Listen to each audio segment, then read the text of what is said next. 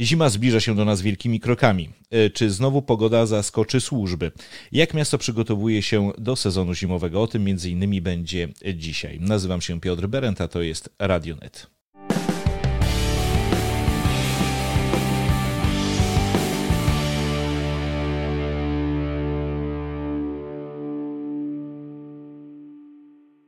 Moim gościem jest burmistrz Iławy Dawid Kopaczewski. Dzień dobry panu.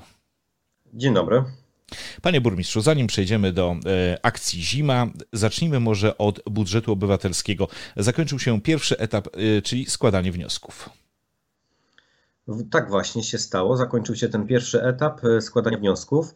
Teraz przechodzimy do kolejnego etapu, nie mniej ważnego, ponieważ będziemy wraz z całym zespołem sprawdzać te wnioski i oceniać pod kątem formalnym i merytorycznym. Troszeczkę to potrwa, ponieważ musimy tutaj dołożyć wszelkich starań, że żeby było wszystko dobrze. E, wnioskodawcy, jeżeli będą mieli jakiekolwiek uchybienia, dostaną też chwilę od nas, żeby te uchybienia e, poprawić, a wszystko to po to, żeby tych wniosków odrzuconych było jak najmniej, żeby też w głosowaniu nasi mieszkanki, nasi mieszkańcy mieli jak największy wybór tych projektów i szacujemy, że zajmie nam to niespełna może nawet dwa miesiące. E, oczywiście po tym e, etapie sprawdzania będzie przeprowadzona kampania promocyjna w mediach e, ogólnodostępnych, a potem już e, głosowanie e, w styczniu, w drugiej połowie stycznia. Tak, żebyśmy na początku roku, czyli pod koniec na przykład stycznia, poznali zwycięskie projekty, które będziemy realizować w roku 2022. E, wniosków wpłynęło 11, są one różnorodne, są też te miękkie wnioski, jak i te inwestycyjne twarde. To dobrze, bo to oznacza, że taka jest potrzeba w naszym społeczeństwie, a z drugiej strony nasi mieszkańcy będą mieli faktycznie dosyć szeroki wybór, bo przypomnę, że na początku e, budżetu obywatelskiego w poprzedniej kadencji tej możliwości rozdziału na projekty miękkie i twarde nie było. My to tutaj wprowadziliśmy w tej kadencji. Sprawdza się to, faktycznie jest tak na takie zapotrzebowanie, więc tym, tym bardziej cieszę się, że i w tej edycji takie projekty spłynęły. Podsumowując, proszę wszystkich o teraz o cierpliwość i o współpracę. Sprawdzamy, co jest do sprawdzenia. Wątpliwości będziemy wyjaśniać, a na końcu opublikujemy listę, których, która będzie zawierała wykaz projektów dopuszczonych do głosowania. E, przejdźmy w takim razie do kolejnego tematu. Miasto poprzez Miejski Ośrodek Pomocy Społecznej uruchamia program opieki wytchnieniowej. Na czym on będzie polegał? Ten program będzie uruchomiony w roku 2022. Teraz e, z, e, aplikujemy o środki do wojewody na, na ten program. Ma on na celu wsparcie rodzin które opiekują się osobami zależnymi. Tutaj mam na myśli i rodziców, e, jak i dzieci, na przykład niepełnosprawne. E, I ten program, tak jak ta nazwa mówi, ma e, pomóc im w takim bieżącym funkcjonowaniu, tak żeby te, ci opiekunowie zwłaszcza mieli chwilę dla siebie, mieli chwilę wytchnienia. Chcemy ich wspomagać specjalistami, prawda, terapeutami, zarówno w domu, jak i na zewnątrz, na przykład w dziennym domu opieki, ale dokładką tego wszystkiego będzie program pilotażowy nasz miejski, nad którym teraz bardzo mocno pracujemy, między innymi z pracownikami Miejskiego Ośrodka Pomocy Społecznej, jak i z moim pełnomocnikiem do spraw osób starszych niepełnosprawnych. Jeszcze tutaj szczegółów nie zdradzę, ponieważ jesteśmy w fazie konstruowania budżetu, e, ale już w drugiej połowie listopada, a już na pewno w, z początkiem grudnia pewnie będziemy mogli u, e, uchylić rąbka tajemnicy i to nasze działanie miejskie, naszego samorządu ma rozszerzyć ten katalog podstawowych usług, które, które są dostępne e, w finansowaniu pana wojewody. Więc idziemy szerokim takim wachlarzem, chcemy bardzo mocno skupić się na osobach e, niepełnosprawnych i starszych, które no niestety nie radzą sobie w życiu samodzielnie, bo nie mogą sobie poradzić i my chcemy tym rodzinom faktycznie dołożyć jeszcze taką cegiełkę wytchnienia pod nazwą właśnie takiego programu e, opieki wytchnieniowej, ale już pilotażowego, finansowanego z ramienia miasta. A proszę powiedzieć, czym jest Akademia Programistów? Akademia Programistów to jest pokłosie naszej współpracy, którą rozpoczęliśmy kilka miesięcy temu z firmą z branży IT. Jest to firma MacComp, e, która ma swoją, kilka swoich siedzib w Polsce, ale tu, ma tutaj też pracownika, który jest zaangażowany w rozwój tej, tej firmy. i podjęliśmy z nim współpracę właśnie pod kątem rozwoju branży IT w Iławie. Dlaczego akurat branża IT? Ponieważ jest to branża bardzo dobrze się rozwijająca na całym świecie. Jest to branża, w której zarabia się naprawdę dobre, przyzwoite pieniądze i chcemy tutaj podjąć taki wysiłek, żeby tę branżę właśnie pod tym kątem rozwijać, żeby nasi mieszkańcy mogli zarabiać bardzo dobre pieniądze w tej branży. Po to właśnie także, żeby nie musieli wyjeżdżać za tą pracą, dobrze płatną pracą do Warszawy, do Gdańska, do, do Poznania czy do Wrocławia. E, pierwszy krok postawiliśmy, nawiązaliśmy taką współpracę. Drugim krokiem było stworzenie właśnie tego programu Akademii Programistów. Tworzymy ten program e, przy współpracy z Powiatowym Urzędem Pracy, który finansuje też te działania. My jesteśmy tutaj w stałym kontakcie z przedstawicielem firmy Macomp. Zapraszamy do tej współpracy, do tej, do, tej akademii nie tylko młodych e, adeptów branży, nie tylko osoby po szkole średniej czy po, po studiach wyższych, ale także osoby, które chcą się przebranżowić i są e, starsze po prostu, prawda? Chcą zmienić coś w swoim życiu. Jeżeli takie osoby są zainteresowane i mają taką lekką smykałkę do IT, zapraszamy także do tego programu i po szkoleniu, faktycznie po szkoleniu w ramach akademii, ci najlepsi będą mogli liczyć na ofertę pracy w firmie MacComp z naprawdę sensownym, naprawdę ciekawym wynagrodzeniem. E, I mam nadzieję, że to jest taki pierwszy prognostyk rozwoju tej branży, ponieważ bardzo mi zależy na tym, żeby młode osoby e, nie wyjeżdżały z Iławy. Oczywiście to się będzie działo, bo e, taki jest problem, problem całej Polski, że migracja jest do dużych ośrodków, bo tam są uniwersytety, tam są uczelnie, ale wszystko trzeba robić, żeby te osoby chciały tutaj wrócić do Iławy po tym przeszkoleniu, po tych studiach wyższych i to jest jeden z takich naszych kroków, który mam nadzieję im to umożliwi. Przejdźmy teraz do tematu, od którego zaczęliśmy, czyli od y, przygotowania miasta do sezonu zimowego. Wiem, że miasto poczyniło pewne inwestycje i już poczyniło również pewne zakupy.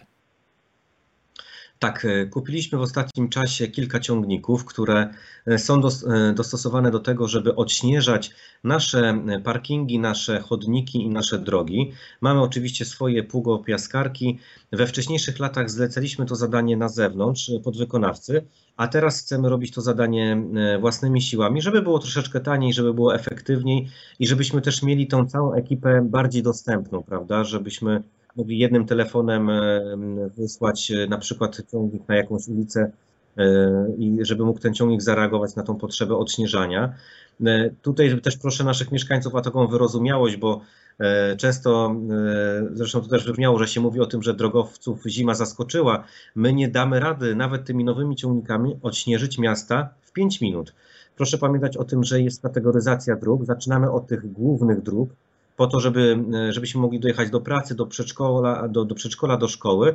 Potem schodzimy na drogi dojazdowe, osiedlowe i tak dalej, i tak dalej. Więc zaczynamy od tych dróg najważniejszych i zazwyczaj potrzebujemy kilku godzin, żeby skutecznie i efektywnie odśnieżyć całe e, miasto, a zaczynamy zazwyczaj bardzo wcześnie, nie o godzinie 7, nie o godzinie 6, a nawet o godzinie 4. Więc e, mam nadzieję, że te nowe ciągniki, które są naprawdę bardzo funkcjonalne, E, i, i, i, dobrze się nimi jeździ. Mam nadzieję, że one spełnią swoją rolę, a będziemy dokładać wszelkich starań, żeby ta jakość e, oferowanych usług naszym mieszkańcom była jeszcze wyższa.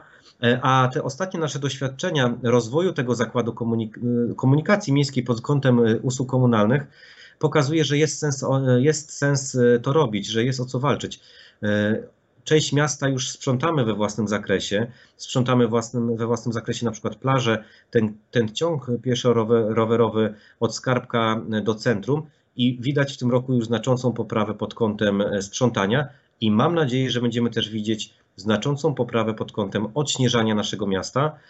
I w ten sposób się właśnie przygotujemy, przygotowujemy do tej zimy. Nie wiemy, jaka ona będzie, jak ona będzie długa. Jeżeli będzie intensywna, no to też e, tej cierpliwości musimy mieć więcej, e, bo ten sprzęt musi po prostu przez kilka godzin jeździć non-stop, żeby całe nasze miasto odśnieżyć.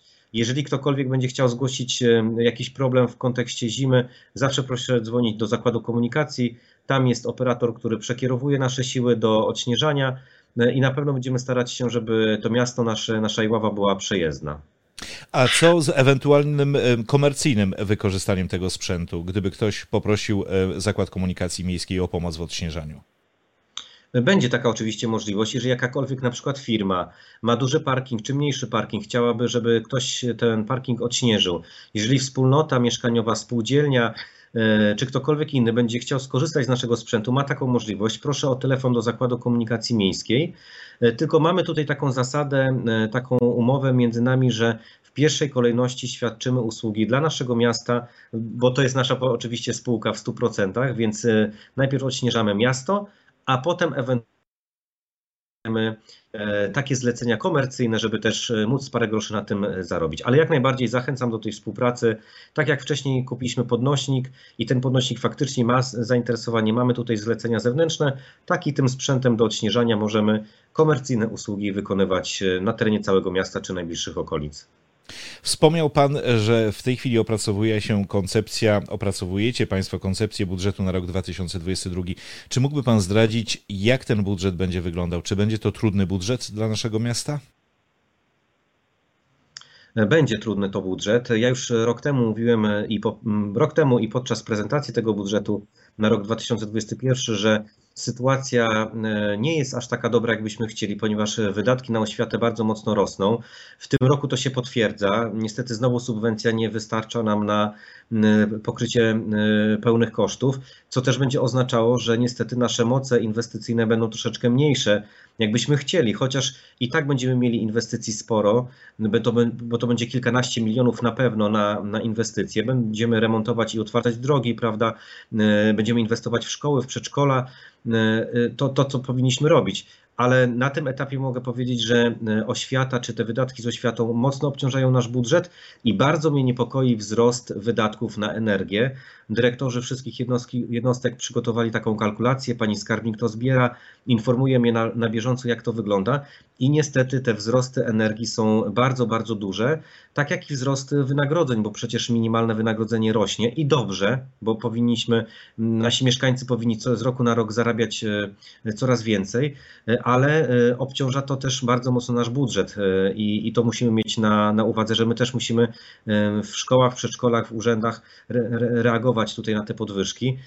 I to będzie trudny budżet, naprawdę, naprawdę trudny, ale dokładam wszelkich starań wraz z moimi zastępcami i z panią skarbnik, żeby pomimo tych trudności to był budżet także inwestycyjny i prorozwojowy, ale na szczegóły jeszcze chwilkę e, trzeba poczekać. Oczywiście do tematu budżetu będziemy regularnie wracali jeszcze zanim on zostanie pod koniec roku uchwalony. Dziękuję panu bardzo za tę rozmowę. Dziękuję, do usłyszenia, do zobaczenia. Państwu przypomnę, że gościem dziś był burmistrz Iławy Dawid Kopaczewski, a rozmowę tę znajdziecie na stronie internetowej Radionet Info, na Facebooku, YouTube oraz w formie podcastów w serwisach Spotify, iTunes, SoundCloud. Dbajmy o siebie i o innych. Szczepmy się. Do usłyszenia.